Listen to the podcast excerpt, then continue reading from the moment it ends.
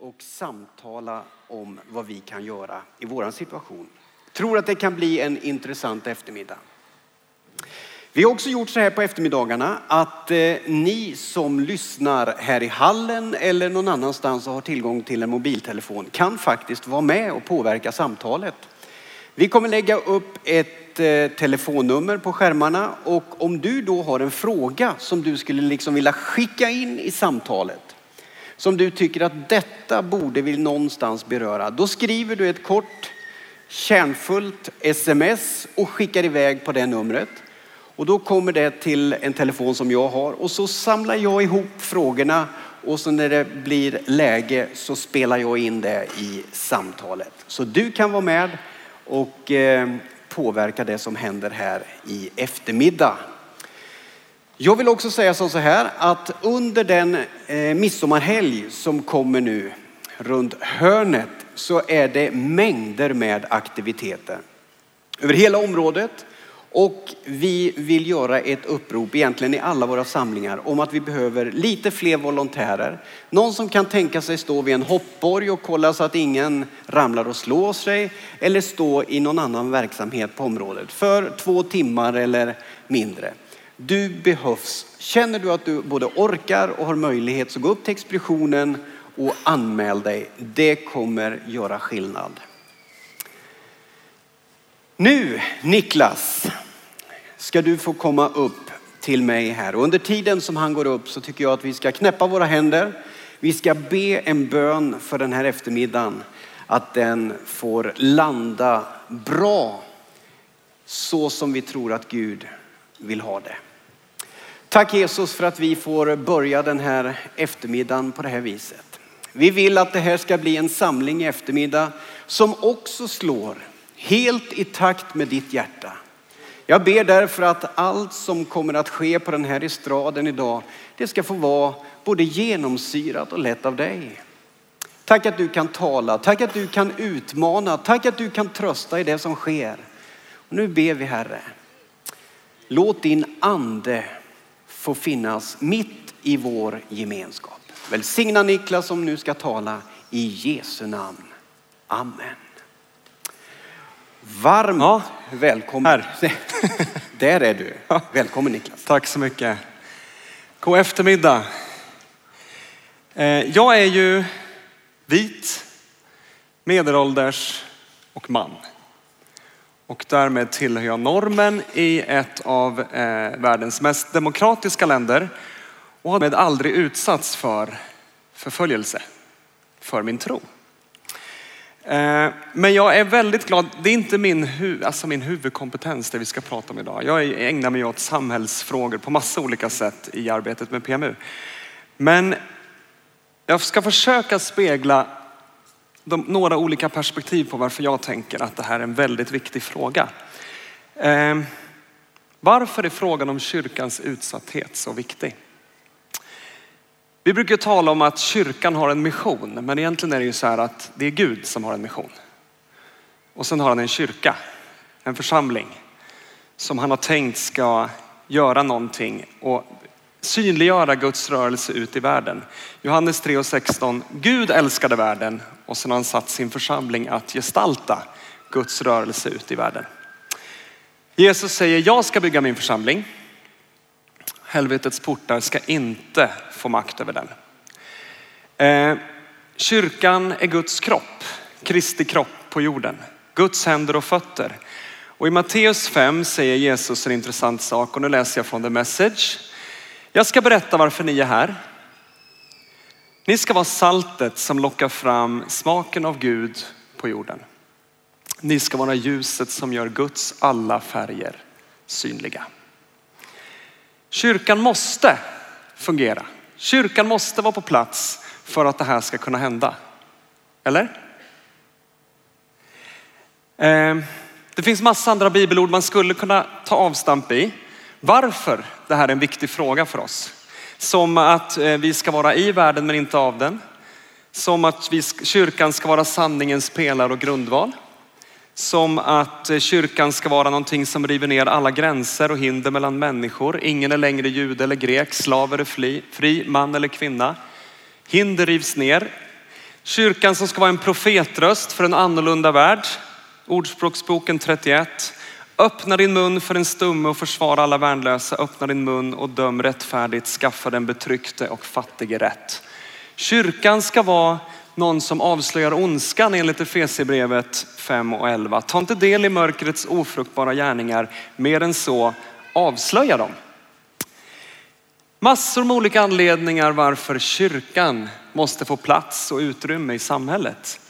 En annan berättelse som jag ofta återvänder till kommer från andra Mosebok. Eh, om eh, utsattheten Israels folk var i Egypten. Och så klagar man. Och så är det en, en berättelse om vad Gud vill göra genom sitt folk i samhället.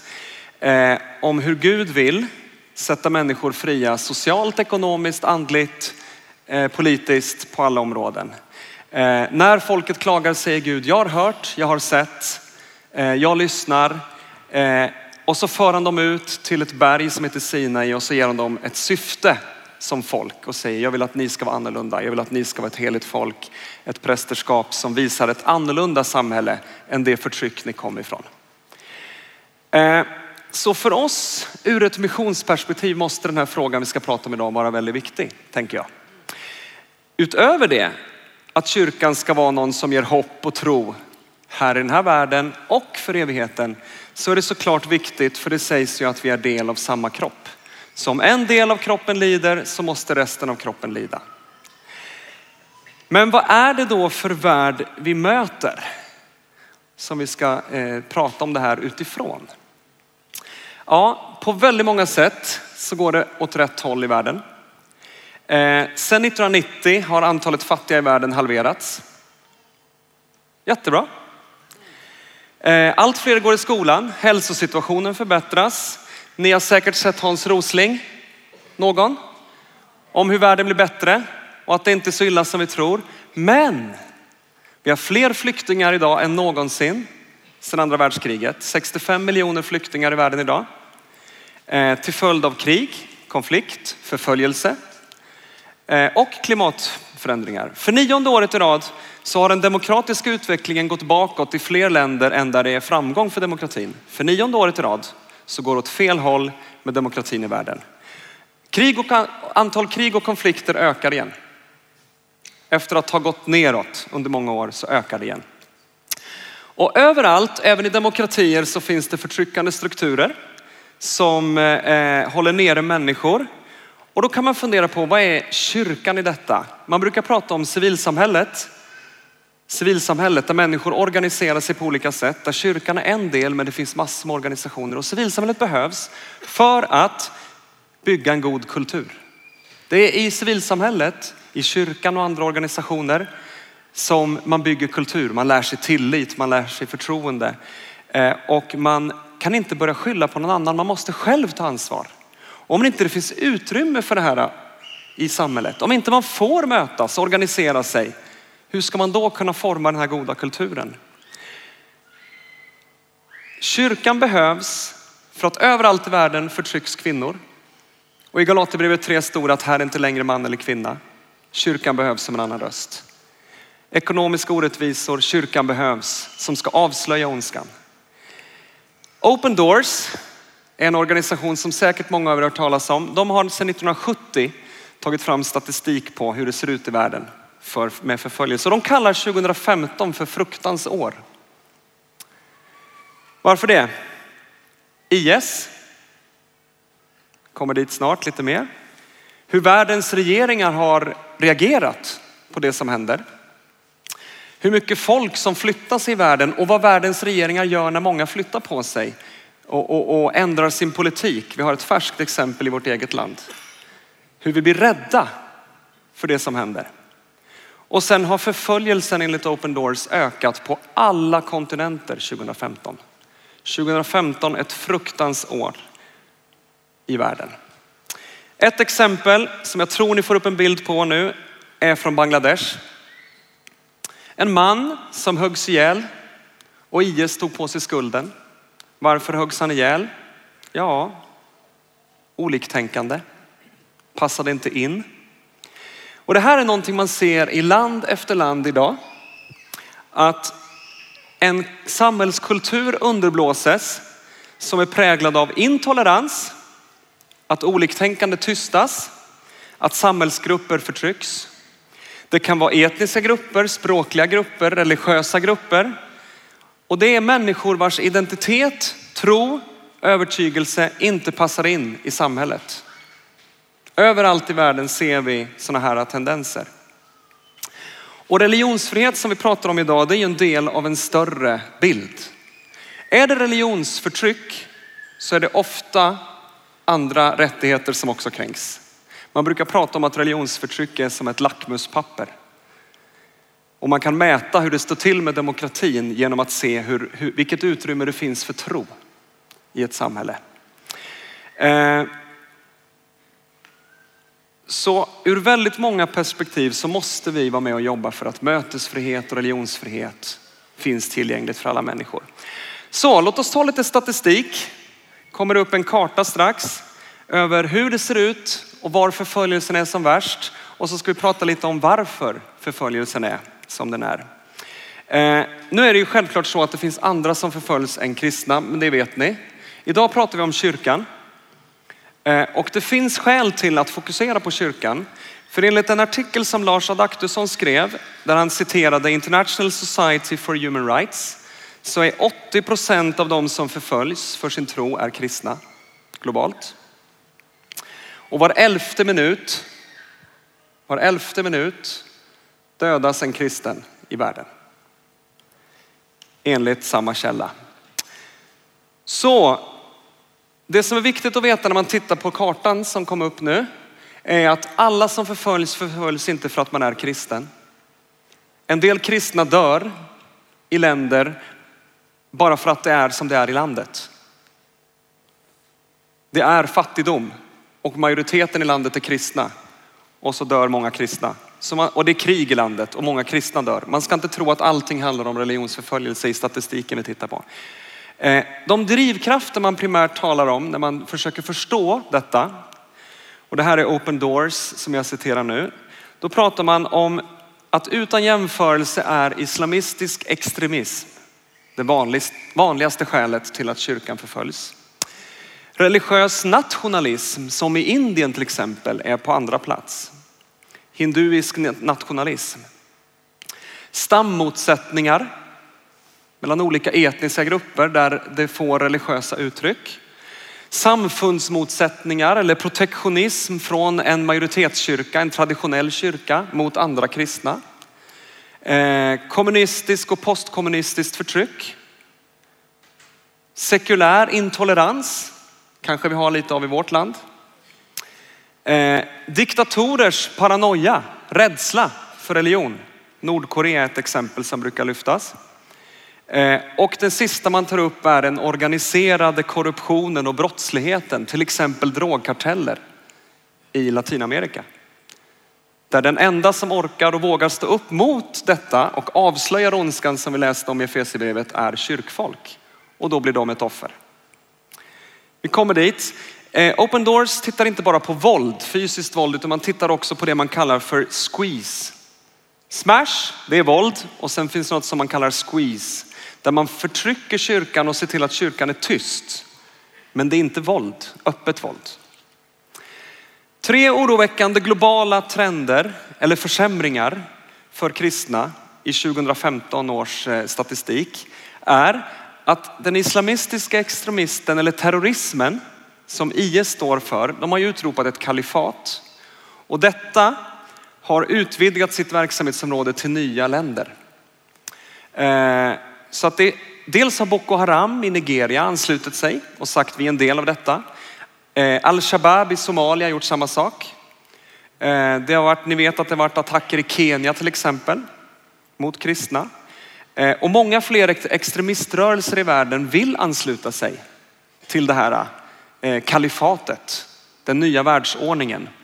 Det är den första oroväckande trenden som, som noteras. Den andra är hur världens regeringar möter detta. Antingen är det många som möter det med att man blir nationalistisk och så utsätts eh, eh, troende på olika sätt i det. Eller också så blir man sån att man stiftar strängare lagar mot alla religiösa aktörer. och så blir de kristna och andra religiösa lidande därför.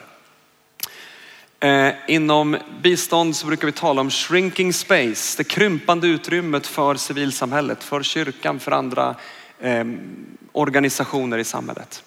För första gången så har Indien hamnat på 20 topplistan och det har med det här med nationalismen, det svaret att göra.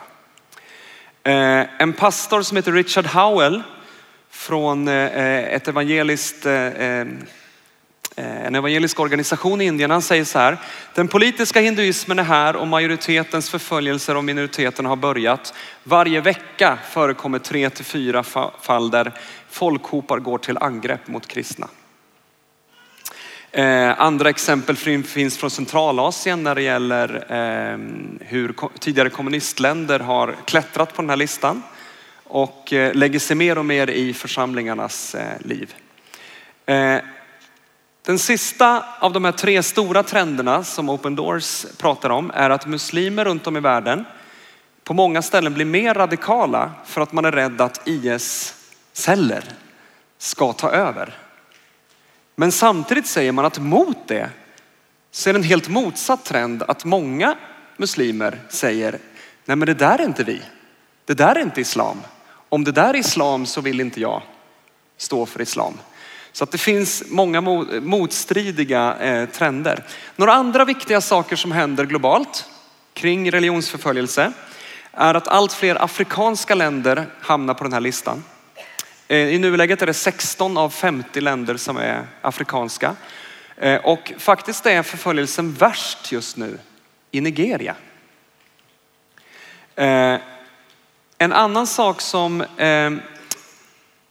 inte är global trend men som ändå är viktig är att allt fler länder, eller det är ett antal länder som är laglösa och där minoriteter blir väldigt förtryckta. Vi har Irak, vi har Jemen, vi har Syrien, vi har Libyen. Länder där eh, det blir allt svårare för minoriteter av olika slag, inte bara kristna. En tredje sak är att aldrig så förut har så många kristna varit på flykt. Eh, 12,5 miljoner kristna, eller förlåt, aldrig så många har 12,5 miljoner, eh, eh, förlåt, Mellanöstern har lika många flyktingar som kristna. Det vill säga det är 12,5 miljoner på flykt från Mellanöstern och en ganska stor del av dem torde vara kristna. Därför att man, man har mätt hur, vad som har hänt med de kristna i före detta kristna områden. Till exempel har Betlehem hade 85 procent kristna 1948 och eh, eh, en eh, mänsklig rättsaktivist eh, eh, säger så här till, till eh, CBN nyligen. If their needs are not addressed in 10 or 15 or at most 20 years, there won't be any Christians in the cradle of Christianity. Strax är de kristna borta helt från Betlehem. Ehm, även i länder som Kenya och Pakistan är det väldigt många kristna som flyr. En, en fjärde trend som man pratar om är att utfrusna länder bryr sig inte om den här kritiken som andra kan komma med. Till exempel Nordkorea, Sudan och Eritrea. Stor förföljelse av oliktänkande, men man bryr sig inte alls om vad världen utanför säger. En femte trend eller eh, farlig sak är att extremismen har eh, full finansiering. Det är inte svårt att få finansiering till den extremism man står för.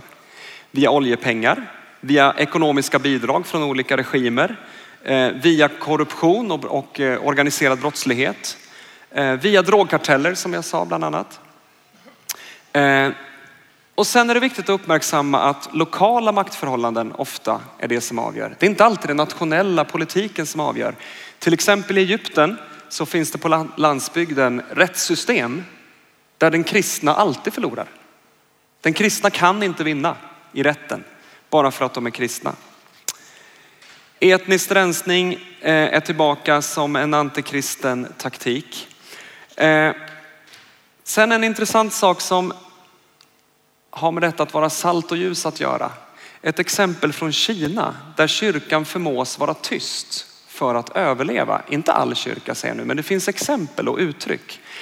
Här säger man i en, i en bok som publicerades 2015 att kyrkan har vuxit med 7 procent årligen sedan 1980.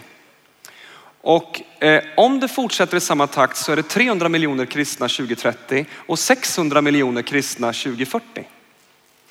Och då är det ett citat så här. If you want to have a church, don't rock the boat. Don't protest about the exploitation of workers. Don't criticize the state for its poor record on human rights. Don't teach people from the Bible that they must obey God first and then men. Don't organize nationally and don't have foreign links. In other words, churches had better lock up their prophets in China. Stäng in de som vill kritisera någonting. Sitt still i båten, då kan du finnas kvar. Hur ska man kunna vara ljus och salt i en sån miljö som kristen?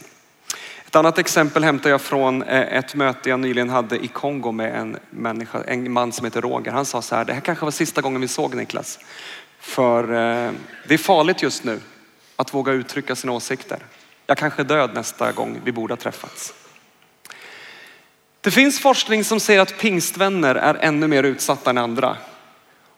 Och jag vet inte om det stämmer, men av olika anledningar så, så, så, finns det många sammanhang där pingstvänner eller karismatiker är noga med att vara ljus och salt, är noga med att stå för en annan kultur, är outspoken, vågar säga saker och så hamnar man i problem. Så, hur är det i Sverige då? Det var lite om världen. Jag funderade lite över den här, vi är ju lite religiösa analfabeter i Sverige. I alla fall enligt det som heter World Value Survey så är vi eh, inte så kunniga på det här med religion och tro och förstår inte riktigt det här saken. Jag tänkte på det när jag såg det som hände runt Yasri Khan. Kommer ni ihåg Yasri Khan? Miljöpartist som inte ville hälsa i handen. Alltså oavsett vad man tycker om det så funderade jag över vad står det där för? Finns det fler lager i den här berättelsen? Eller är det så enkelt som det gjordes sken av i media?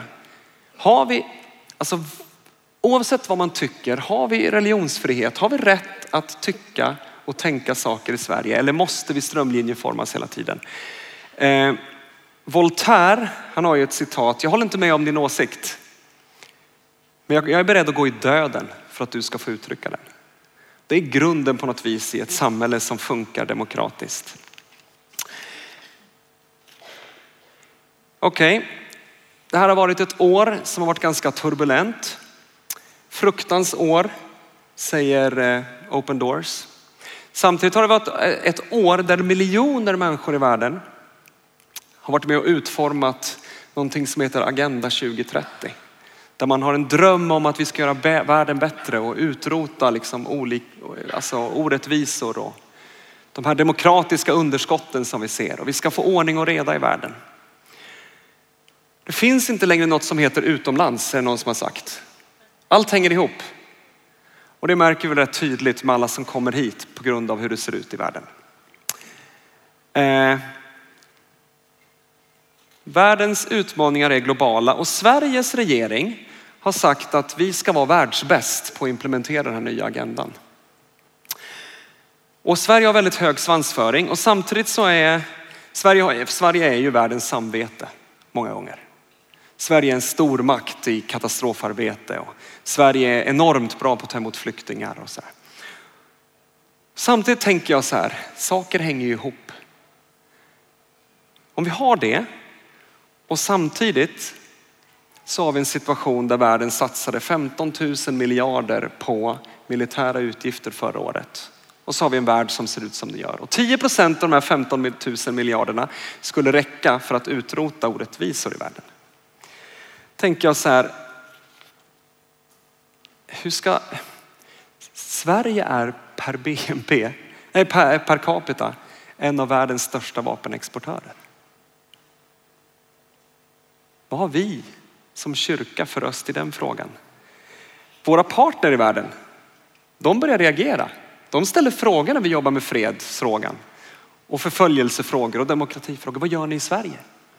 Hur reagerar ni på att Sverige är en så stor vapenexportör? Värdet på vår vapenexport är nästan dubbelt så högt 2015 som det var 2000.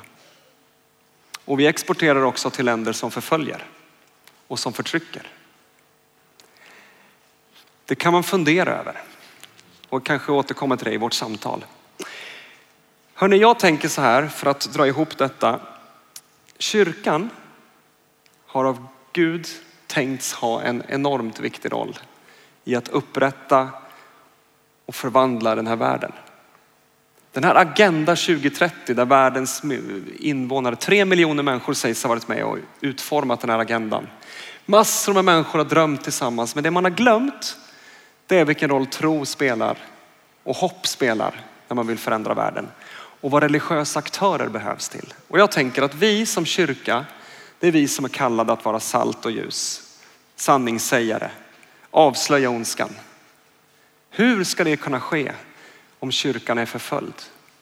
Hur ska vi hjälpa våra trossyskon att kunna spela den rollen runt om i världen?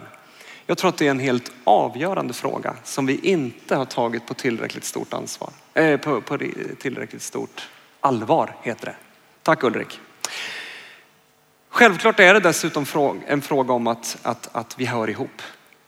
När en del av kroppen lider så lider kroppen. Lider vi som svensk kristenhet över de siffror vi ser? Lider vi över att våra trossyskon förföljs? Det borde vi göra. Självklart är det också ur ett demokratiperspektiv viktigt. Men det är inte det som är det primära tänker jag för oss. Så jag är glad att den här frågan är på dagordningen en eftermiddag i Nyhem. Jag är glad att vi får chansen att samtala om detta. Jag är glad över att jag, även om jag inte är expert på religionsfrihetsfrågor och kyrkans roll, fick vara med och inleda. Och nu ska vi gå vidare och sen ska vi samtala om detta. Tack så mycket. Tack Niklas. Du fick 30 minuter och det är ju intressant att du under den tiden lyckades trampa på så många ömma tår. Eh, det finns ju definitivt underlag för samtal den här eftermiddagen. Nu ska jag välkomna Elisabeth Hammarberg upp från PMU, för vi ska nämligen få möjlighet att vara med och engagera oss. Vi ska ta upp en kollekt. Varsågod Elisabeth. Tackar. Ja, Elisabeth Hammarberg heter alltså jag, jobbar med kommunikation och insamling på PMU. Ni som har varit här under veckan och kanske mött eller följt PMU har förhoppningsvis sett att vi pratar om ett ord den här veckan. Ett ord som stavas hunger. Hunger som att inte få äta sig mätt, att inte ha tillräckligt med mat för att leva ett gott liv. 800 miljoner människor lägger sig hungriga varje kväll. 800 miljoner människor, en ofattbar siffra, som inte får den mat, den näring de behöver. Tidigare i veckan så har vi pratat mycket om Zimbabwe. Idag, i eftermiddag, så tänkte jag flytta blickarna till Etiopien istället. Tidigare i vintras, ska få upp en ny bild här. Vintras, tidigt i våras, så var den här typen av rubriker ganska vanliga, både i tidningar och i nyhetssändningar. 10 miljoner människor som hotas av svält i Etiopien. Man pratar om att om ingenting görs så kommer den här siffran att mångdubblas. Man pratar om El Niño, man pratar om torkan och man pratar om den svält som man befarade skulle inträffa. Vi blev påminda om den svältkatastrof som inträffade på 80-talet när en miljon människor dog i Etiopien på grund av svält. Då kom hjälpen för sent. Men efter den uppmärksamheten som var vintras, tidigt i våras, så blev det ganska tyst.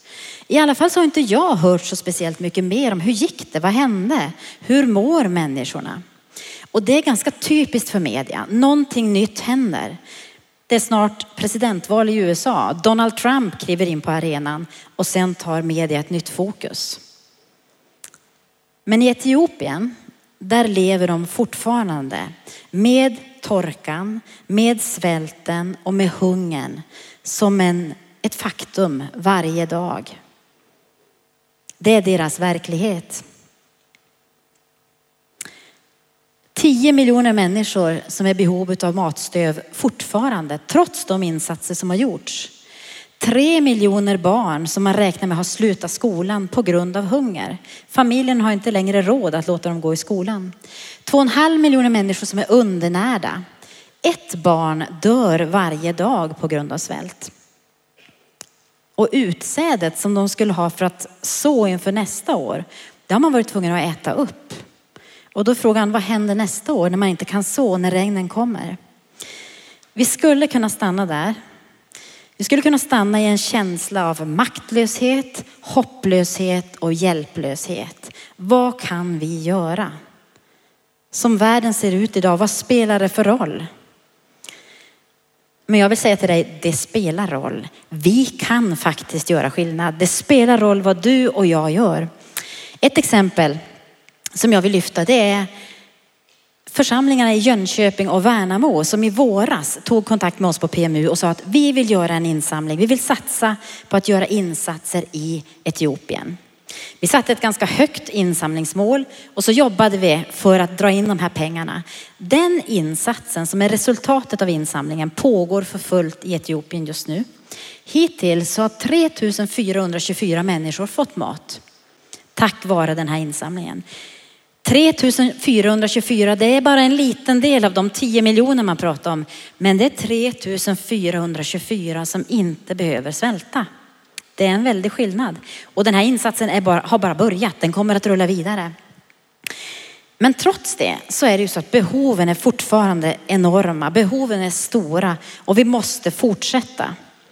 Inte minst så måste vi fortsätta med de långsiktiga insatserna. Borra brunnar så att torkan inte påverkar människor på samma sätt.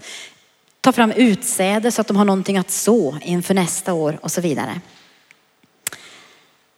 Jag skulle vilja utmana dig i eftermiddag att göra precis det som står i Jesaja 58 och 7. Jesaja 58 och 7, då står det dela ditt bröd med den hungrige. Dela ditt bröd med den hungrige. I måndags så hade vi ett seminarium här där Hans-Erik Bylund hade en, en kort bibelstudium om vårt sociala ansvar.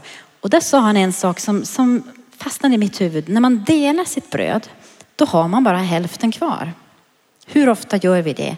Hur ofta behöver vi faktiskt göra någonting som kostar på lite grann? På något vis så ligger det i ordet att dela, då har man bara hälften kvar. För 150 kronor så kan du vara med och ge mat till en person under en månads tid. 150 kronor. En person får ett matpaket som räcker i en månad. Det är ganska fantastiskt. Så det spelar roll. Vi är inte maktlösa, vi är inte hjälplösa. Vi kan vara med och göra skillnad, hur klyschigt det än kan låta. Allra bästa sättet att vara med och stötta de här insatserna är att bli månadsgivare till PMU.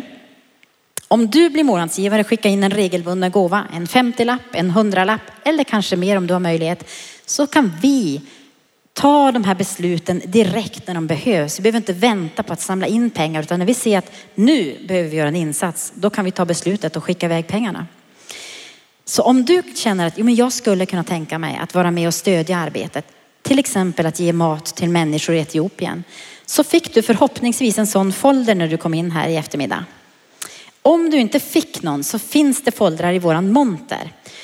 Då tycker jag att det första du ska göra efter det här seminariet är att gå till våran monter och fånga en sån folder, fånga en PMU-are och säga jag vill bli månadsgivare. Om du känner att nej tyvärr, jag fixar inte ett till månatligt åtagande så kan du naturligtvis ge kontanter när kollekten kommer förbi. Du kan swisha eller du kan smsa. Alla gåvor behövs och alla gåvor gör skillnad. En sista sak. Om du känner att just nu är det sommar, semestern ligger framför, det är så mycket. Jag vet inte om jag fixar det nu. Så använd talongen. Skriv engångsgåva eller löftesgåva och fyll i dina kontaktuppgifter så skickar vi ut i höst. När kanske semesterkassan har återhämtat sig och du känner att ja, men nu kan jag gärna vara med och göra en insats. Kom ihåg det är 150 kronor, det är mat för en person i en månad. All välsignelse över dig och ditt liv och tack för din gåva. Nu ska jag välkomna våran eftermiddagspanel upp. Jag ska överlämna till Ulrik Josefsson som är samtalsledare den här eftermiddagen. Ulrik, han är eh, bland annat eh, ansvarig för våran gemensamma pastorsutbildning som är nyformad och nybakad. Och eh, han ska få ta med oss in i detta samtal. tillika god vän till mig. Välkommen Ulrik, vad roligt att du är här idag igen. Tack. Oj, oj, oj, oj, oj. Jag kan inte hämta mig riktigt. Först Niklas med alla dessa nära världsbilden och så Elisabeth med liksom våra möjligheter och så Mattias. Ja, det är stort. Du, innan du börjar så vill jag då säga att eh, nu är det ju så här att ni har möjligheten att vara med. Eh, numret kommer upp, ni formulerar era sms och det har fungerat väldigt bra de andra eftermiddagarna.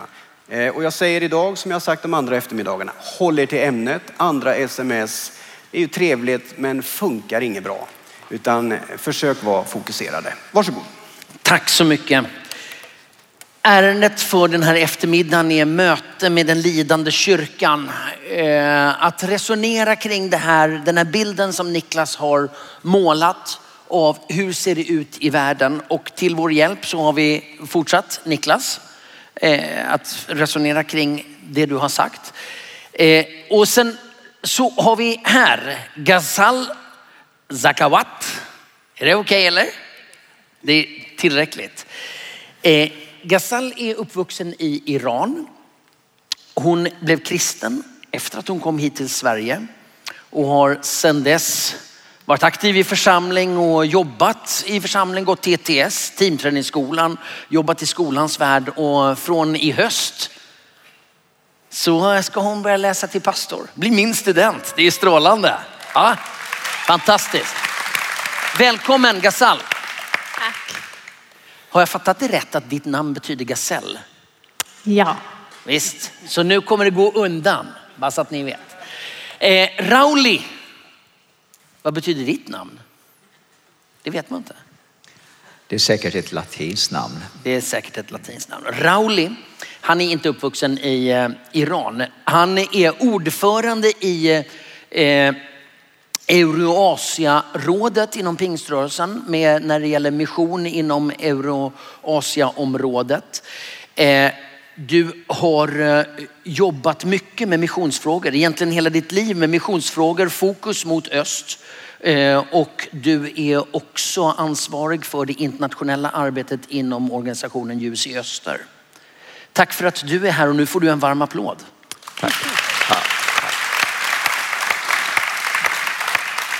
Och Niklas han sitter ju här, honom ser ni ju, honom har redan fått presenterad för sig. Bra jobbat Niklas. Otroligt spännande och utmanande. Hörrni, eh, Rauli och eh, Ghazal, eh, ni har ju hört Niklas beskriva bilden här. Siffror, utmaningar. Alldeles strax ska ni få, eh, få liksom ge er respons. Vad är det ni tänker? Men först tänker jag, vi har ju alla hört den här bilden. Vi har alla mötts av Niklas beskrivning av världen. Vad tänker ni? Ni får ju, har ju möjlighet att skicka in sms till, till Mats här så, så samlar han ihop det. Men ta ett par minuter och prata med varandra. Vad är det, vad tänker ni när ni hör Niklas säga det han säger? När han beskriver bilden av situationen i världen. Ta ett par minuter och prata med varandra om era reflektioner efter Niklas inledning. Varsågoda.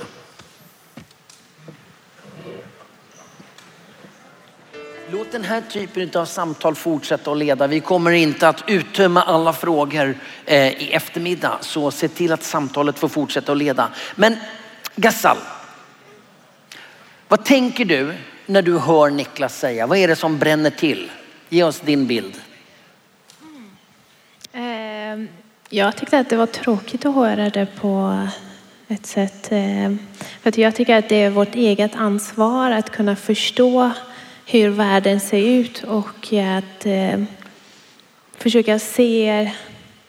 Det är faktiskt jättesvårt att se hur man lever på andra ställen än där man är. För att har man inte möjligheten, man är inte Gud, man kan inte se överallt så.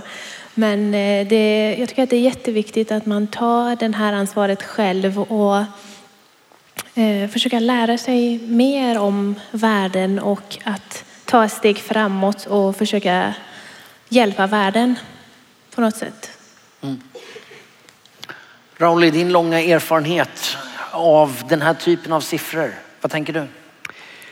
Jag tänkte på det här som Niklas berättade att var elfte minut så är det någon som betalar eh, för sin övertygelses skull med sitt liv. Då tänkte jag så här Niklas, att under ditt anförande så var det statistiskt sett två stycken som led martyrdöden. Och innan det här seminariet är slut så kanske det är åtta personer, allt som allt. Och då tänker man ju, vad kan jag göra? På vilket sätt kan jag bidraga? Är det så att vi har gjort allt det som vi kan? Allt det som står i vår makt? Och jag känner liksom så här att vi borde nog göra lite mer. Det blir något tungt, utmanande. Vi som kristenhet, låt oss ta tag i det här, så känner jag. Mm. Vi ska komma tillbaka till hur man kan göra det. Låt oss resonera lite grann en stund kring den här bilden som, eh, som eh, Niklas tecknar. Alltså du säger att på många sätt så har världen blivit en bättre plats.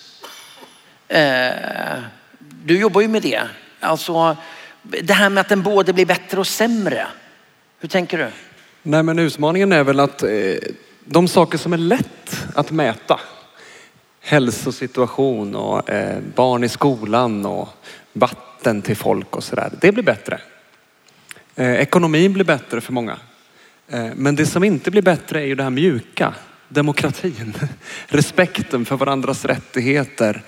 Det som är väldigt svårt att ta på. Det blir inte bättre. Eh, och det är väl också svårare att jobba med. Det var ju faktiskt en kritik mot dem. när världen kom överens förra gången om viktiga mål för hur vi ska utveckla här, den här världen tillsammans, de här millenniemålen, då var ju kritiken mot de målen att det var ju de enkla sakerna vi gav oss på. Eh, vi har inte gett oss på det som är svårt riktigt på samma sätt. Och religionsfrihet är svårt eh, det, och det blir inte bättre. Alltså jag tycker hela 90-talet var ju liksom en period när man eh, såg att en stor del av det som tidigare var Sovjetunionen, det demokratiserades och man, man nästan levde i en slags drömvärld där man trodde att allt skulle bli möjligt, allt skulle öppna sig. Men nu då de här sista, sista tio åren tycker jag har varit väldigt mycket uppförsbacke där det liksom eh, verkligen har, har, har uppstått situationer där man ifrågasätter demokratin. Visserligen använder man det här begreppet men, men det mesta slätas ut och det här har ju betytt väldigt mycket negativa saker för eh, kristna församlingar i Kina, Nordkorea. Vi hörde om situationen i Afrika men också i det som tidigare var Sovjetunionen där man då hade stora möjligheter. Har du några exempel på, på, har du några exempel på liksom den här, alltså, att det har blivit sämre? Hur, hur, hur tar det sig uttryck? Det som kanske är det, det närmaste exemplet det är faktiskt Ryssland.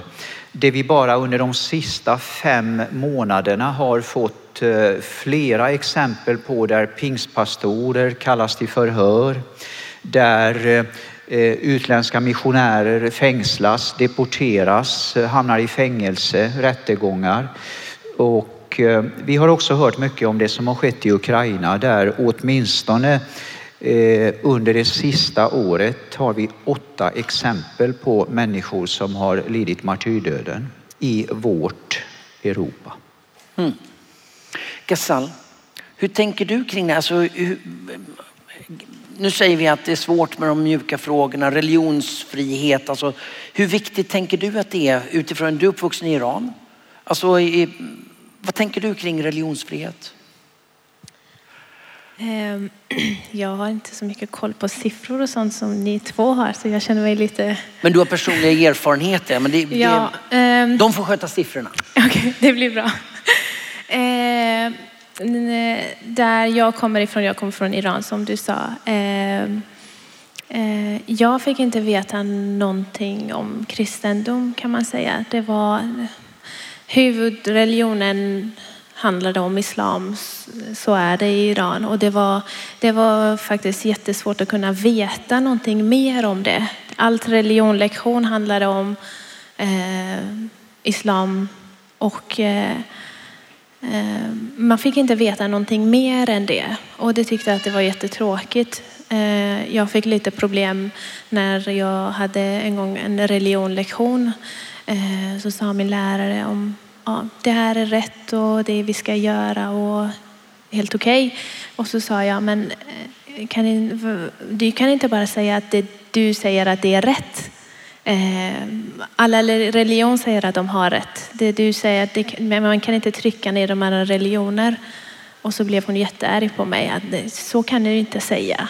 Vi pratar om det vi har nu i vårt land och det du ska följa. Eh, så, så det var, mm, det var mer att det du har i ditt land, det måste du följa. Du kan inte göra något annat. Mm. Eh, och jag, det var bara ett exempel, så det kan vara något annat i ett annat land. Det kan vara någon annan religion i någon annan land. Mm. Eh, så jag tycker att det är faktiskt lite tråkigt att eh, man bara måste veta om det religion som är i det landet. Mm. Eh, om jag jämför Iran med Sverige så har man på religionlektionen man lär sig om alla religion så får man välja vilken religion man vill välja och vem man ska tro på. Men så var det inte i Iran.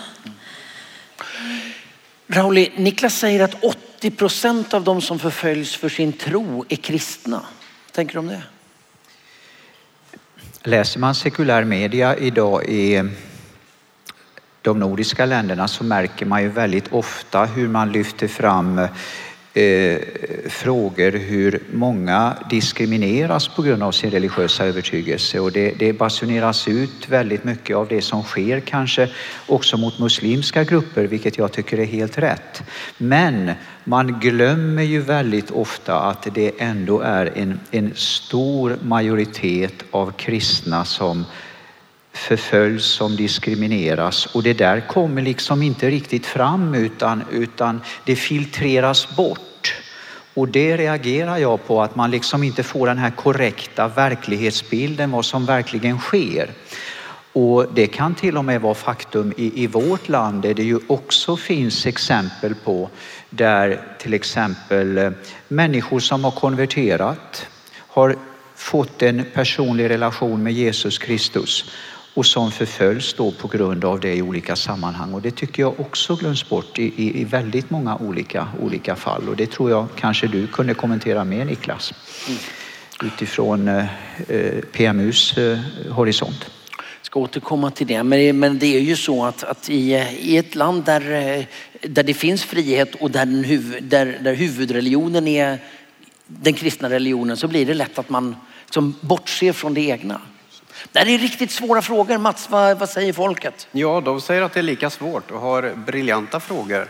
Eh, bland annat så är det någon som undrar som så här, i den statistik som du Niklas lyfter fram eh, om att människor förtrycks och kristna förtrycks och i synnerhet pingstvänner. Är det inräknat också den interna fighten, det vill säga att, att kyrkor utsätter andra kyrkor för förföljelse? Alltså det, eh, jag nämnde åtta huvudskäl till varför det är ett, ett stort förtryck mot just kristna. Och då, då finns ju majoritetskyrkor eller traditionella kyrkors förföljelse av andra kristna. Det finns med där. Så till exempel har du ju ett, ett ganska stort förtryck i Egypten från den koptiska kyrkan mot evangeliserande. Alltså, det man är rädd för i ett sådant land är att störa balansen mellan olika religiösa grupper och om du då evangeliserar, då stör du ju balansen. Den, den procentuella andel som, som är kristna ska ju vara kristna och de andra ska ju vara något annat. Så att därför blir det förtryck också, så det finns med. Får jag bara spela in en fråga till då som, som är intressant ur det här med kyrkoperspektivet. I Sverige har vi en syn på kyrkofamiljen. Vi har åsikter om varandra, ortodoxer, katoliker och så vidare. Men när vi talar om förföljelse globalt, då blir det ju mer av enhetskänsla.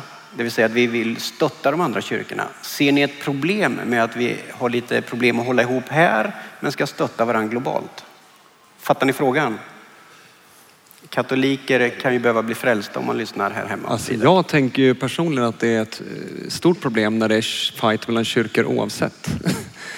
Eh, så det finns det ju varken tid eller utrymme för. Eh, kyrkan måste ju vara enig. Så det är väl tragiskt oavsett när det sker. Men Rauli i öst, erfarenheten därifrån? Ja, jag skulle vilja ta ett exempel. Det, ett fall ganska nyligen. En pastor från eh, pingstförsamlingen i Astana som ligger i Kazakstan. Eh, Kashkumbayev heter pastorn som eh, hamnade i rättegång för att polisen råkade komma med på mötet just när kyrkan och medlemmarna talade i tungor.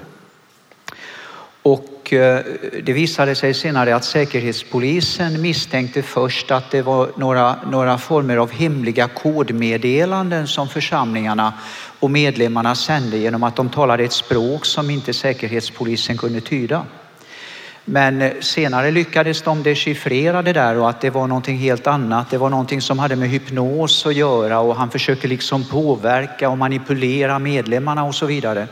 Så han dömdes till fyra års villkorlig dom och fick 69 000 kronor i böter på grund av att han då hade missbrukat eh, eh, sin makt på medlemmar som, som inte kunde behärska sig själva i den situationen när de talade i tungor. Så det, det är ett exempel på hur, hur pingstvänner direkt har blivit dömda på grund av sin så att säga samfundstillhörighet. Men hade det något med liksom, eh, det ortodoxa sammanhanget att göra eller var det mer en statlig eh, säkerhetspolisiär åtgärd? Jag tror att i Kazakstan så är ju både den ortodoxa tron och den islamska tron så kallade traditionella religioner. Och genom att de är majoritetsreligioner så, så finns det en förföljelse mot minoritetskyrkorna och minoritetsreligionerna. Och man är ju väldigt orolig för att de protestantiska kyrkorna ska växa. Och jag tror det var ett angrepp just mot den tillväxten som nu sker i Kazakstan där, där evangeliska kyrkor växer dramatiskt när man talar om tusentals nyomvända under bara de sista tre, fyra åren. Men det man ska komma ihåg globalt är det ju så att det där är ju en liten del av förföljelsen. Alltså den, det är inte det huvudskälet, men det finns med. Låt oss byta perspektiv lite grann och fundera över vad händer med den människa som sitter i den här situationen då? då? Alltså läser vi apostlagärningarna så var ju förföljelse mer regel än undantag. Vandrar vi genom den kristna kyrkans historia så har vi sett det här. Eh, vad, vad tänker vi kring, alltså vad, vad händer med en människa i den utsatta situationen? Alltså vad händer med tron? Vad tänker du, Ghazal? Vad händer med tron hos en människa som lever under den här typen av tryck som förföljelsen innebär? Det beror på hur man är själv som person kan jag tänka mig. Ehm, eh, jag tycker att eh, självklart det blir svårt att leva i den här eh, situationen om, om man känner att ehm, det, jag kan tänka mig att det kan bli att eh, Eh, man kan lämna tron. Men å andra sidan kan man bli starkare i tron också kan jag tänka mig. Eh, om man känner den här pressen att ja, men, eh, jag tar bara ett exempel, du kan inte vara kristen. Det är inte okej att vara kristen. Man kan känna sig att ja, men, jag vill ha ett bra liv och jag vill, jag vill inte att någon ska följa mig hela tiden och bara störa mig. Då kan jag gömma det här att jag är kristen och jag bara för att vara med i samhället så vill man gömma det här tron att säga, ja men jag är inte kristen men någonstans är man kristen i hjärtat. Och det gör ont för att om man är en riktig kristen och tror verkligen på Gud så står man kvar och eh, fightar för sin tro kan man säga. Du, du har ju kommit till tro. Eh, Du kommer från ett land där eh, den kristna tron är i betydande minoritet, alltså den är väldigt liten. Eh, I en kultur som, som har en annan religion och så blir du kristen. Alltså, du måste ju ha mött ifrågasättanden av din tro. Hur, hur, vad har hänt, liksom, hur har du hanterat det här? Ja, bra fråga. Eh, det, var inte, det var faktiskt inte lätt att konventera. Ehm, jag hade jättemånga frågor och jag hade kompisar som, var, som är muslimer och ville bara säga till mig att nej, men det ska du inte göra. Jag hade en kompis eh, i skolan innan jag skulle döpa mig så sa hon till mig, du jag älskar min Gud och jag vill att min Gud ska älska dig. varför ska du göra det här? Det du gör är fel. Eh, men den kärleken som jag fick från Gud, det var det som var min styrka för att ta steget framåt och inte tänka på vad andra säger och vad andra tycker. Eh, ja. Rauli, du har ju, alltså du har ju mött tusentals människor som lever under extrem press. Vad är din bild av människor? Vad händer med tron? Jag skulle vilja ta några sådana här praktiska exempel. Det, det, det första en församling som lever under förföljelse och förtryck behöver göra det är att man måste ändra sina mötestider. Så ofta är det gudstjänst fyra på morgonen innan polisen och säkerhetsorganen har vaknat. Eh, det blir betydligt fler nattmöten än man hade förut. Man, eh, till exempel i Nordkorea när man ska sjunga en sång, då slår man upp psalmboken men man sjunger inte för att inte grannarna ska höra. Utan man sjunger tyst. Var och en sjunger samma sång tyst i sitt innersta utan att någon hör någonting. Och no Förklara det. Är det någon som dirigerar? Sjunger man i takt eller hur går det till? Nej, men förlåt, det var en dum fråga. Men alltså, hur gör man en sån grej? Eh, man pålyser en sång och eh, så börjar man. Ja. Det, det, det, andra som jag skulle vilja nämna som jag tror många pastorer skulle glädja sig åt det är ju det här att eh, genom att många biblar konfiskeras det är brist på Guds ord, man kan inte föra in biblar hur som helst så blir det ju att väldigt många börjar memorera bibeln. Så att man lär sig bibelverser utan till för att man vet ju inte när polisen kommer och tar de eh, kristna böckerna som man har i bokhyllan. Och då lär man sig de här viktigaste bibelverserna och bibelkapitlen utan till. Man kan till och med i en församling dela upp ansvar så att någon får ta Johannes evangeliet och en annan får ta första Johannes brev som vi har lärt oss här på förmiddagen eller eftermiddagen. Och på så sätt så har man alltid någon i församlingen som kan de här viktigaste kapitlen och de här viktigaste delarna. Så det blir en del sådana här praktiska saker som, som församlingarna får ta sig an när man lever under förtryck och i de här svåra förhållandena. Hur stor är risken skulle du säga att man liksom omvärlden är ond och förtryckande. Vi sluter oss. Liksom. Hur, alltså, hur sluten blir man i sin liksom, tro och i sitt tänkande? Ja, inom sociologin så är det ju eh, vetenskapligt bevisat att eh, skapas det ett yttre tryck mot en social grupp så formar den sociala gruppen ett kodsystem som så att säga visar att du tillhör gruppen. Och tittar man tillbaka då på exempelvis den underjordiska pingströrelsen i Ryssland så var det ju till exempel att man inte fick ha ring på fingret. Eh, man fick inte bära slips. Eh, man eh, fick ibland använda vissa kodord för att överhuvudtaget komma in på ett eh, underjordiskt möte. Kunde du inte koden så fick du inte komma in och det blev ett sätt då där man kunde identifiera folk.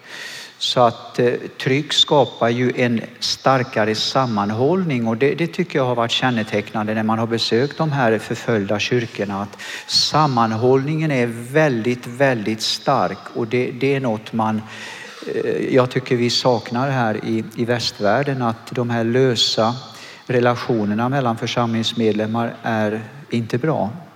Man skulle behöva mer av det där, kärleken till varandra. Ibland hör jag ju människor som säger vi skulle behöva ha lite förföljelse för att liksom få fram genuinitet. Vad tänker du om en sån sak? Eh, vad tycker ni om det? Vill vi ha mer förföljelse? Håller vi med Niklas? Ulrik. Ulrik. Niklas är min bror. Bara för... Du får bara flika in. Eh, alltså vad händer med tron och vad händer med den troende? Jag, jag sysslar ju mycket med samhälls samhällsutvecklingsperspektiv och kyrkans roll. Och jag tänker att jag tänker på det här jag nämnde från Kina, risken av att man blir tyst. Eh, jag tänker att det är en jätteviktig konsekvens som vi måste hjälpa våra trossyskon att inte bli tysta. Men risken är ju stor att är man utsatt för hårt tryck så vågar man inte vara ljus och salt. Man vågar inte avslöja ondska, man vågar inte gå emot det som är fel i samhället och sådär. Eh, vi jobbar ju väldigt mycket med eh, Dr Mukwege i Kongo, han är ju inte förföljd för att han är kristen. Men han är förföljd för att han vågar säga saker. Och en gång frågade jag honom, hur, hur orkar du? Och då sa han, men jag måste. Gud har ju lagt det här i mig, jag måste ju vara profeten. Och det tänker jag är farligt om det händer i kristna som är utsatta för press, att man inte vågar stå emot. Vem ska omvandla samhället om inte kyrkan orkar göra det? Men det är ju ruggigt lurigt för oss att sitta så här. Men vi sitter här och vi pratar fullständigt fritt och vi kan säga vad som helst till vem som helst. Va? Det är klart och, så- det. Och så att, att möta en sån människa, ja men de måste våga. Nej, men jag, precis. Nej, men vi kan inte säga ni måste våga, men det stöd vi kan ge för att folk ska orka ett steg till, det tänker jag är superviktigt. Att Får jag, vi, får jag bara kasta in en fråga som berör detta som har kommit? Eh, och det är om ni tre har olika syn på vårt land och förföljelse. Jag tror att det är Gasall som triggar igång en del frågor. Eh, och den kanske är riktad till dig. Upplever du att man utsätts för förföljelse i Sverige idag? Som kristen. Ja.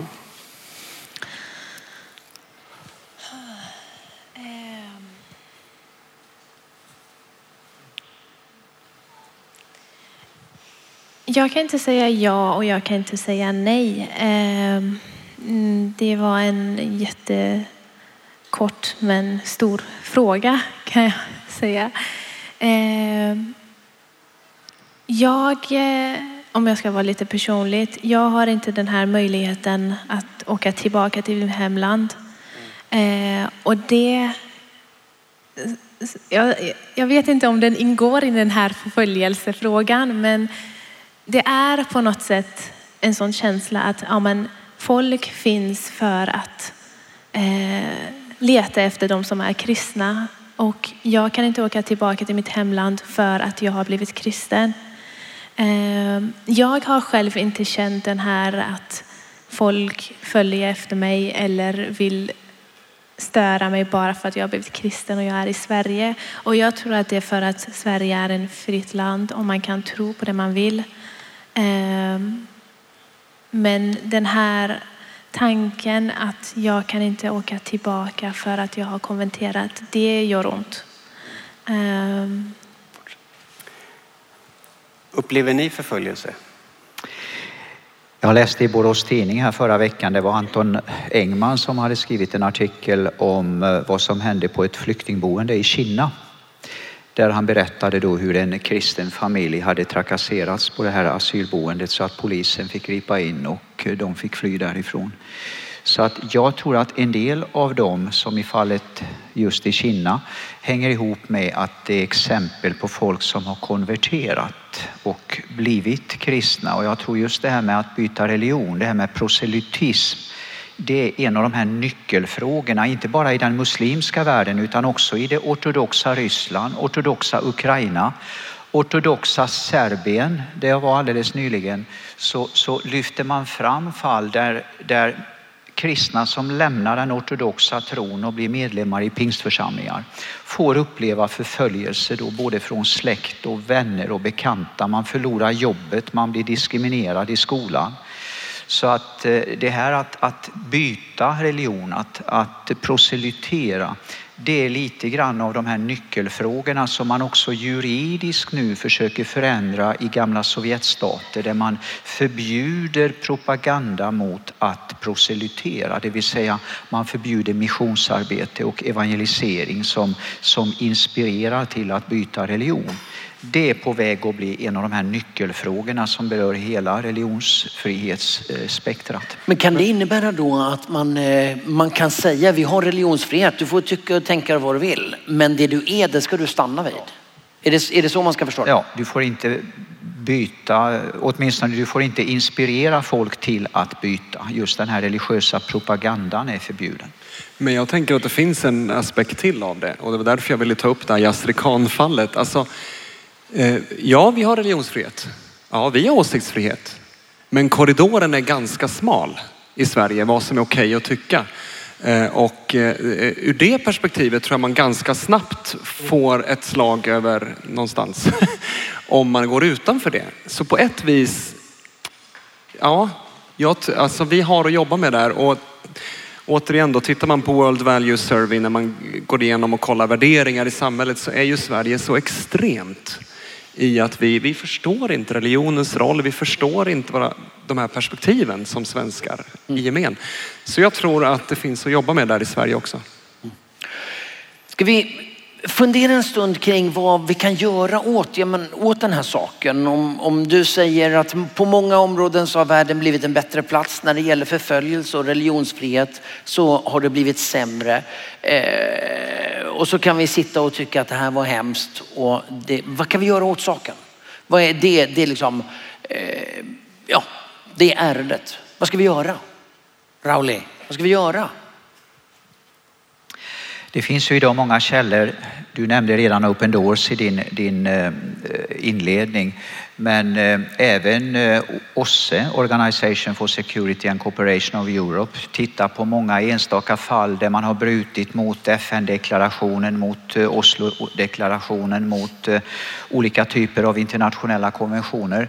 Och det tycker jag då ger oss som församlingar ett ansvar att eh, engagera oss för de konkreta fall där kristna förföljs. Eh, idag har vi studerat eh, Johannesbrevet. Johannes 3 och 16 kan ni. Genom att Jesus gav sitt liv för oss är också vi skyldiga att ge våra liv för bröderna. Och det tycker jag blir liksom en sån här utmaning för oss som församlingar att engagera oss för de som förföljs på grund av sin tro. Och det menar jag då att när vi känner till konkreta fall från Syrien, från Irak, från Iran, Uzbekistan, Kazakstan, Nordkorea och så vidare. Varför skulle inte vi som pingstförsamlingar exempelvis anta en konkret vänförsamling från ett område där kristna förföljs på grund av sin tro? Där vi bygger en relation, där vi besöker den här församlingen och talar om att det här är våra syskon, det här är våra systrar, bröder. Här gör ni inte vad ni vill för att vi älskar dem. Vi är beredda att betala ett pris för dem. Så jag skulle vilja lansera en sån här ny idé och tanke kring att tänk om vi kunde etablera vänförsamlingsrelationer med kyrkor i områden där kristna förföljs på grund av sin tro. Det känns som att vi hade det där förr, eller? Hade vi inte mer vänförsamlingar förr? På 70 80-talet, men då var ju inte du född. Då. Jo, jag var född då. Jag kommer ju ihåg det till och med. Nej men alltså rent konkret, alltså, det där låter ju super... Skulle, tänk, om, om min församling då hade en vänförsamling någonstans långt bort i stan. Ja. Eh, rent konkret, vad skulle man göra? Kan man åka dit eller hur tänker du? Alltså bara det här att man inför myndigheter visar att de har kontakter med väst. De har människor som bryr sig om. Eh, det finns en grupp, eh, en församling, en förening som engagerar sig för de här. Till exempel under Sovjetperioden, så under de sista åren så var det ju 370 pastorer som vi visste namnet på som satt i fängelse på grund av sin tro. Och det visade sig att alla de pastorer kom från områden dit man inte kunde åka som turist. Så myndigheterna var väldigt frimodiga i att förfölja kristna i områden dit ingen kunde åka, dit ingen kunde göra besök. Men de här turistområdena och dit, dit kristna åkte, där man hade vänförsamlingsrelationer och förbönsområden, det blev ett skydd för den förföljda kyrkan. Och jag tycker vi ska vandra tillsammans med dem som förföljs. Vi ska besöka dem när de är fängslade, när de är hemlösa. Mm. För det är dessa mina minsta. Niklas, PMU, ta fram en karta över de mest utsatta områdena och ordna resor dit. Vad tror du? Ja, det kanske vi ska göra. Ja. Det blev applåd på den. Alltså. Eh, jag tänker att det finns massa saker som vi behöver göra och kan göra. Eh, politiskt så är det ju så att alltså EU har ju visat ganska stor rädsla. Många vet att det är så här, att majoriteten av de som förföljs är kristna. Men EU har som kristen världsdel inte velat prata om det särskilt mycket. Så man pratar om det i allmänna termer men man vågar inte lyfta det specifikt. Eh, och det gör inte svenska politiker heller i särskilt stor utsträckning. Så jag tänker att vi kan vara med och ge kunskap. Så här ser det ut. Det här är frågor som måste finnas på dagordningen. Det här är Sköter ni det eller hur ska, hur ska vi göra? Nej, men jag tror att församlingar och PMU till exempel kan samspela och Open Doors och andra. Vi kan ju eh, jobba ihop. PMU eh, gör ju sånt här, men vi kan göra det ihop. Eh, sen tänker jag en annan sak som är väldigt viktig. Vi jobbar ju med folk i många av de här ställena som är utsatta. Många länder där det är tufft. Eh, hjälp dem, stöd dem att vara kvar. Eh, hjälp dem från Betlehem att inte fly. Ge dem kraft att våga vara kvar, att orka vara kvar eh, som kristna. För kyrkan behövs ju. Jag, alltså jag, jag, jag tror ju så mycket på kyrkans roll och kyrkans roll att kunna förvandla samhället och, och vi måste hjälpa kyrkan att orka vara där. Ghazal, eh, om du tänker liksom på ditt hemland och de eh, små kristna grupper som finns där. Vad skulle du önska att, här sitter ju folk från sjukt mycket olika församlingar och ännu fler sitter och lyssnar på radio. Vad skulle du önska att svensk kristenhet gjorde eh, för, de, för liksom kristna i Iran? De får jättegärna be för mitt hemland. Det kan jag tänka mig. Det är det största man kan göra. Eh, och det viktigaste. För att jag tänker att med den tanken att eh, det finns kristna Eh, som bor i Iran som kan inte uttrycka sig och kan inte evangelisera om kristendom bara för att eh, de är rädda för att de ska dö för att det är ju dödsstraff om man, i mitt hemland är det dödsstraff om man konventerar eller evangeliserar om kristendom. Eh, och, och det finns en annan tanke med att det finns jättemånga som lever och bor i Iran som kanske en son eller dotter i familjen som har konverterat till kristendom. Men med den här trycken som finns i familjen. Man kan inte, man kan inte uttrycka sig, man kan inte säga hur man tänker och tycker och hur man tror. Bara för att man blir nedtryckt från familjen också. Eh, Så när jag tänker så tycker jag att det är faktiskt jättesvårt att göra det för att eh, jag har inte så jättemycket koll på mission och eh, PM och vad ni gör och sådana grejer. Men att, men att man kan inte bara... Det finns jättemånga människor som vi inte känner och inte vet om bara för att de kan inte komma ut i världen och säga vilka de är. Så jag har faktiskt lite svårt att svara på hur kan man hjälpa dem. För att det finns jättemånga som inte syns. Tror, vad tror du om Raulis idé? Och liksom ordna resor till Iran? Du blir kan ju inte följa med tyvärr. Nej. Men du ju... Eh, nej, men ehm, det blir bra. Det jag blir- kan ha kanske peruk och lite sådana Ra- grejer så kan jag se. Rauli åker ju mest till Kazakstan. Vi kanske, vi kanske, han kanske skulle ordna en resa till Iran också. Kan inte jag få berätta en sak? Nu får du berätta en sak. Alltså för, förra veckan hade jag möjlighet att besöka Xinjiang-provinsen i Kina. Där vi träffade en eh, kvinna vars man hade dömts till 15 års fängelse för att han hade planterat ett tiotal husförsamlingar. Och han dömdes då till 15 års fängelse för att han var folkets fiende. Han har suttit av åtta år nu av de här 15 åren. Två barn. Två gånger per år får hustrun åka ut till fängelset och tala med sin man eh, via telefon genom en sån här glasvägg där de ser varann. Men pappan har ännu inte fått krama om sitt yngsta barn någon gång. Bara se honom via den här glasväggen. Och när vi satt tillsammans då med en av de här husförsamlingsledarna och den här eh, pastorsänkan kan man säga, så säger hon gråtande att bara det här att ni har kommit hit, att det finns kristna som bryr sig om oss. Mm. Det betyder allt för oss. Nu orkar jag nog sju år till vänta tills maken kommer tillbaka. Jag tror att det betyder oerhört mycket för en lidande församling. Att, att vi finns vid deras sida, att vi går tillsammans med dem, att vi, vi tröstar dem och ger våra liv. Det betyder inte att vi ska dö för dem utan vi ger den delen av vårt liv vi har kvar. att vi gör en insats. Egil pratade igår kväll om You never walk alone. Alltså att i människor i utsatta situationer inte ska känna att de är ensamma i sin förföljelse utan här finns en kyrka som vet om dem, tänker på dem och kanske till och med visar sitt... Mm. Får man slänga in ett vetra till? Alltså det var en anledning till att jag tog upp eh, Sveriges roll när jag började. Jag tänker, jag vet inte om ni har hört talas om Sveriges politik för global utveckling, vad det är för någonting. Men, men Sverige säger att vi ska ha en sammanhållen politik. Saker ska liksom hänga ihop. Och det är då man måste ställa sig frågan, hur hänger det ihop? Att vi är en stor vapenexportör också till länder som bedriver förföljelse av oliktänkande. Samtidigt som vi säger att vi ska vara duktiga på att ta hand om de som förföljs och vi står för demokratiska värden och så här. Och jag tänker att vi som, det vi också kan göra är att orka ställa de lite jobbiga frågorna och orka trycka på politiker att våga ställa de jobbiga frågorna.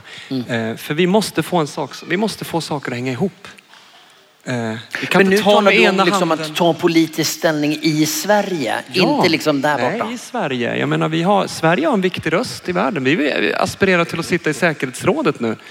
Vi är en stormakt i, i, i den här typen av frågor och folk lyssnar på Sverige. Så jag tänker bara att vi, eh, det kan vi fotfolk göra också. Vi kan faktiskt pusha våra politiker att Vet ni vad Aspnäskyrkan gjorde 1978 när deras vänförsamlingspastor satt i fängelse? Nej. Då ställde de in sin söndag förmiddagsgudstjänst och hade det mötet utanför ryska konsulatet på Görvelsgatan i Stockholm. Nej, strålande. Bra.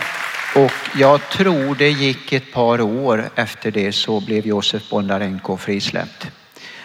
Och det var väldigt mycket förbön och engagemang kring det här. Man, man överlämnade en petition till ryska myndigheter och man arbetade på många olika sätt. Så att varför ska man inte kunna göra det här igen? Får man göra det eller var det bara då som man kunde? Skulle det kunna ha effekt tror du Niklas om vi engagerade oss mer också i det här med opinionsbildning och för religionsfrihetsfrågor och, och, och såg på det som en del av MR, mänskliga rättigheter, att inte den lilla byggstenen glöms bort. Jag tror det är jätteviktigt och jag tror att vi, vi, vi är ju en av Sveriges större folkrörelser. Det är klart att vi har en röst om vi vill. Det är klart att vi kan påverka om vi vill. Eh, Men vi måste veta vad vi driver för frågor och vi måste veta vilka kanaler vi har och vi måste ha känna politiker som man kan trycka på. Men jag tror absolut det.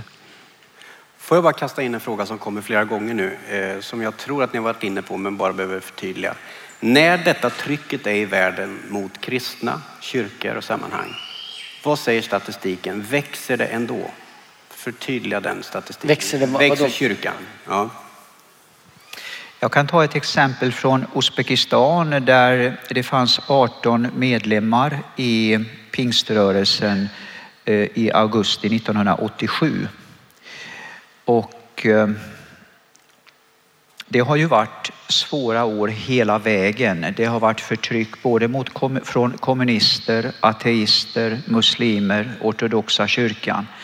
Men, men under den här långa transportsträckan då av 30 år så talar man idag om att det kan vara någonstans mellan 30 och 40 000 pingstvänner i Uzbekistan. Eh, inga registrerade kyrkor visserligen, men det växer. Samtidigt som pastorer sitter i fängelse, församlingar bötfälls. Eh, Kan inte församlingen betala de här böterna så kommer man hem till folk, river takplåtar, tar med sig sängar, eh, kyl och frys, spisar. I princip hela bohaget om de inte kan betala. Men eh, kyrkan växer. Och de är redan på väg att skicka nu missionärer till Xinjiang-provinsen, Turkmenistan, södra Kazakstan. Man har Från Uzbekistan? Ja. Och man har missionärer i Kirgizistan. Så att man, man har en eld, en vision om att dra vidare och slutföra missionsuppdraget. Så det är ett exempel. Niklas har säkert fler. Nej, men ett exempel var ju det jag nämnde från Kina också. Där eh, prognosen är väldigt tydlig hur det ser ut och, och hur det har sett ut. Så det, det så ser det ut på många ställen. Säkert Iran. Du måste ha micken om du ska prata. Säkert Iran också. Jag tänker bara på en sak att Mm, det är ett problem. Jag vet inte om det kan vara, jag tycker att det är ett problem att vi ser bara de som är i fängelse. Vi ser, eller inte ser. Vi hör om de som är i fängelse som har problem. Och, eh, eh, men jag tycker att det finns mycket mer. Det finns mer folk som är inte i fängelse men de är i ett hem som är en fängelse för dem. Och jag tycker att det är de som behöver hjälp. Eh, hur vet jag inte. Eh, men jag tycker att det är de alla är lika värda. Jag menar inte att de som är i fängelse ska inte få hjälp, men att de behöver mer hjälp för att det är de som inte syns. Det är de som är ensamma. Det är de som är ledsna för att de tror att det finns ingen som kan hjälpa dem. Mm. Jag tycker att det är en viktig sak som vi ska tänka på. Hur kan vi hjälpa dem? För att när jag tänker på Iran, man kan inte visa vad som helst på tv. Man kan inte säga vad som helst på radion. Det är verkligen begränsat. Eh, det finns inte alla olika kanaler mm, på tv eller på radio som man kan evangelisera eller prata om det man vill. Det är alltid filtrat. Ja, men Mer än det får man inte säga. Och hur kan vi hjälpa dem som inte syns? Mm. Rauli, har du erfarenheter av det? Alltså de här som, som inte är de framträdande ledarna, hur får vi tag på dem? Hur hjälper vi dem? För en del har det ju betytt mycket att exempelvis få komma på besök till Sverige, få dela böneämnen, eh, få ta emot kärlek, och även inspirera våra församlingar. Det är väldigt lätt för oss att liksom tänka att, att hela den här relationen med den förföljda kyrkan, det är liksom att vi ger dem. Men jag tror många församlingar i Sverige som har haft de här relationerna kan bevittna och tala om att vi har nästan fått mer av deras exempel, deras beredskap att, att betala ett pris för sin övertygelse. Jag tror att vi kan få kanske ännu mer av dem. Och därför vill jag verkligen inspirera till, till varje församling som, som finns representerad här att försöka hitta sådana här kontakter och relationer med länder där, där de kristna lider för sin tros, tros skull. För att det kan ge er väldigt mycket eh, välsignelser Eh, som ni sen kan eh, dra nytta av på olika sätt. Och vi ska runda av det här samtalet nu, men det betyder ju inte på något sätt att frågorna är uttömda och svaren är givna. Det här är ett stort komplext fält som ju växlar lite grann. Eh, det såg ut på ett sätt på 70-talet, det ser ut på ett annat sätt idag. Men utmaningen är den liknande att, att Eh, att stödja våra bröder och systrar runt om i världen. Kunskap är ett fält eh, mod och kraft att agera, att bygga relationer och liksom signalera. Ni är inte ensamma, vi ser och vi vill vara med och föra er talan.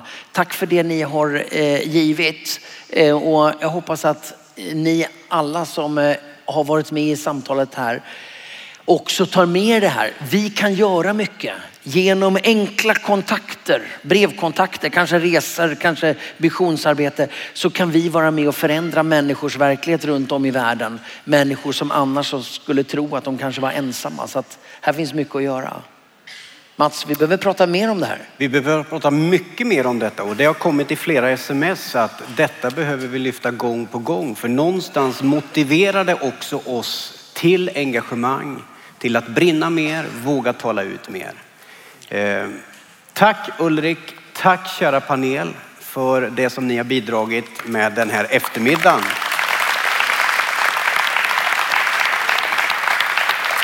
Jag ska be att Rauli kommer fram med mikrofonen. Du ska få be tillsammans med oss här alldeles strax.